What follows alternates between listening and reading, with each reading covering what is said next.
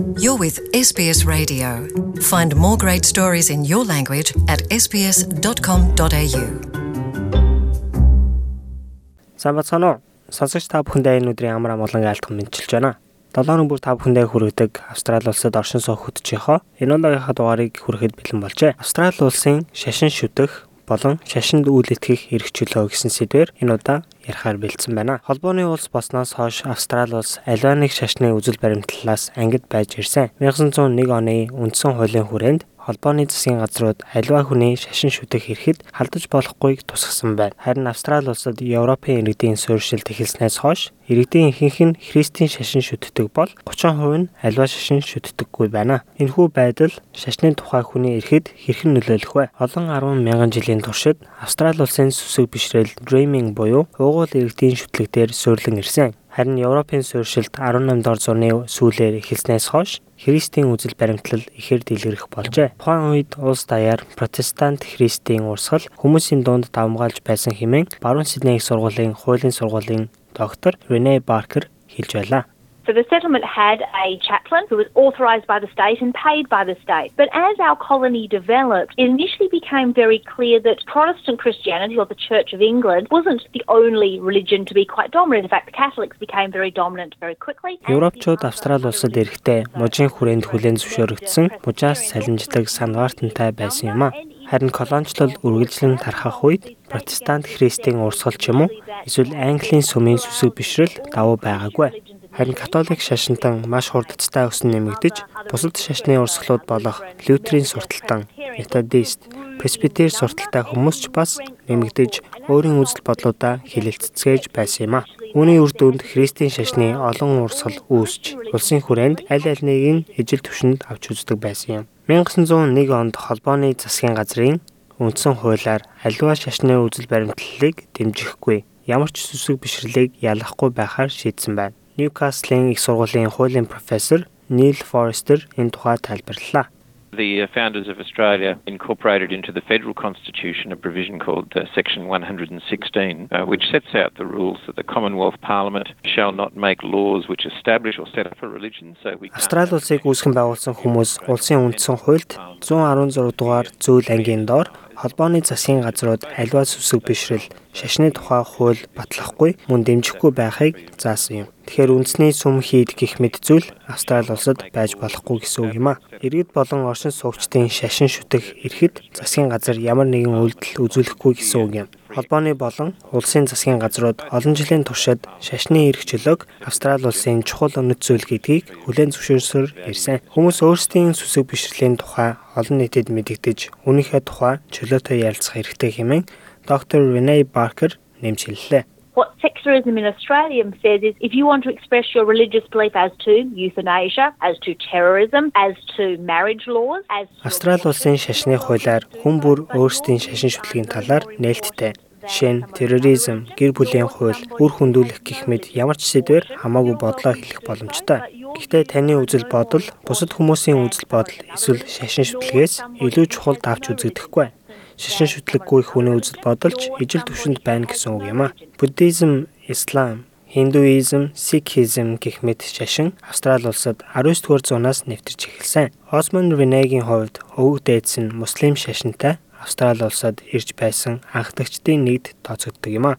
Өөрийн завгүй ажил болон Брисбен хотод байрлах муслим сайн санааны нийгэмлэгийн хувийн бизнесийнхаа хажуугаар өдөрт 5 мөргөл үлдэх нь түүнд сэтгэл санааны тайвшралыг өгдөг хэмээн тэрээр хэлж байлаа. Um, I'm third generation Australian Muslim. My grandfather came from uh, India in 1901 and my great grandfather Би 3 дахь үеийн Австрал муслим хүн. Манай өвөө 1901 онд Энтхэг улсаас энд ирж байсан.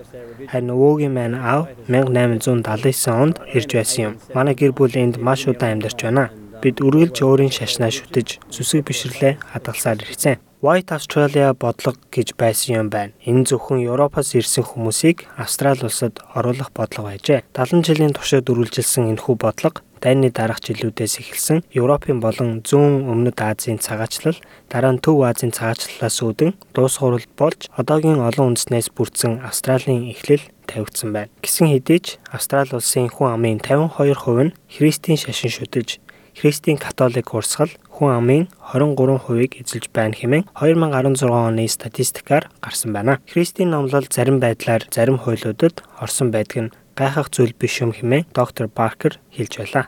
that may no longer be appropriate in a setting where we have people from a variety of faiths. Hinduism, Islam, Buddhism are all growing faiths here in Australia, as is people. Иймэрхүү хуйлууд одоогийн олон үндэсний өөр итгэл үнэмшилтэй хүмүүст тохиромжгүй юм а.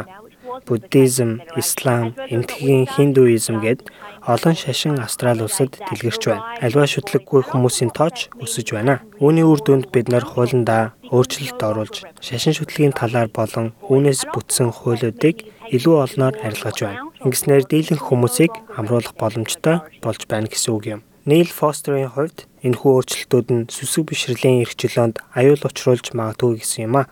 Тэрээр Христийн шашинтай нэгэн хүн ижил хүйстэй хүмүүсийн гэрэлтийн талаар олон нийтэд өөрийнхөө бодлыг хэлсэн нь түүнийг ажилласаа халагдахад хүргэсэн тохиолдлыг жишээ болгон ярьж байлаа. The debate over same sex marriage has raised difficult issues because traditionally many religious groups, uh, not only Christians but uh, Muslims and Buddhists and Jews and, and people from other religious groups, have taken the view that uh, marriage is. Ижил хүйстэй хүмүүсийн гэрэлтийн асуудал маш олон хэцүү асуудлыг гаргаж ирж байсан. Уламжлал ёсоор бол зөвхөн христийн шашинч биш, буддизм, муслим, еврейчүүд болон бусад олон төрлүүдэд гэрэлтийг эсрэг хөөстэй хүмүүсийн дунд байх ёстой хэмээн үздэг байсан. Хэн нэгэн өөрийн үзэл бодлоо хэллээгээд ажилласаа халагдаж болохгүй. Хүний үзэл бодлоо илэрхийлэх эрх чөлөө хамгийн чухал байх ёстой.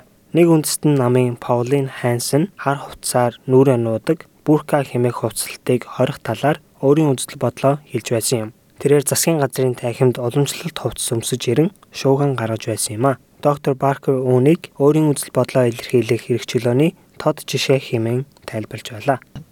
So if they believe there is an aspect of your religion which is not compatible with the way they see the world operating or they believe needs to change, then in Australia Хэрвээ таны сүсэг бишрэл бусдын зарчимтай таарахгүй байгаа бол үүнийг өөрчлөх, шүүмжлэх, мөн хамгаалах эрх хүн бүрт бий. Гэхдээ шашин шүтэх хэрэгчлөө өргөлж бүрэн төгөлтөд байдаггүйг доктор Баркер нэмж хэллээ. So for example, here in Australia we have the age of 18 as the minimum age for marriage. And while some religions may permit or even encourage young people to marry earlier than that, in Australia Жишээлбэл энд Австрали улсад 18 хүрч байж хүмүүс гэрлэх эрхтэй болдгоо. Харин зарим шашинд үнээс жирт гэрлэх боломжтойг заасан байдаг. Харин Австрали улсад насанд хүрэхээс өмнө гэрлэвэл өөрийн эрхүүдийг бүрэн эдлэх боломжгүй болох эрсдлийг тооцож насны хязгаар, шашин шүтлгийн хязгаарыг бас тавьсан байдаг. Исламын шашин Австрали улсын хүн амын 2.6%-ийг эзэлдэг. Brisbane улсад өсөж том болохдоо Osman Rene ямар нэгэн асуудлуудтай тулгарч байгаагүй ч сүүлийн жилүүдэд зарим нэг эсэргүүцэлтэй тулгарх болсноо хэлж байлаа.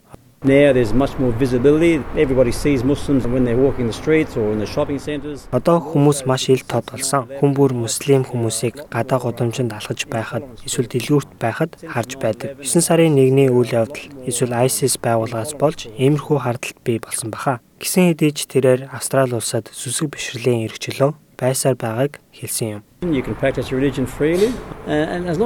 in Та ямар ч шашин шүтэж болно. Зарим хязгаартай ч хүлээн зөвшөөрөгдөнө. Ихэнх австралчууд үнийг эсэргүүцэлгүй хүлээн авдаг. Та бүхэнд энэхүү дугаар маань таалагдсан гэж найдаж байна. Дараагийнхаа дугаараар эргээд уулзцгаая.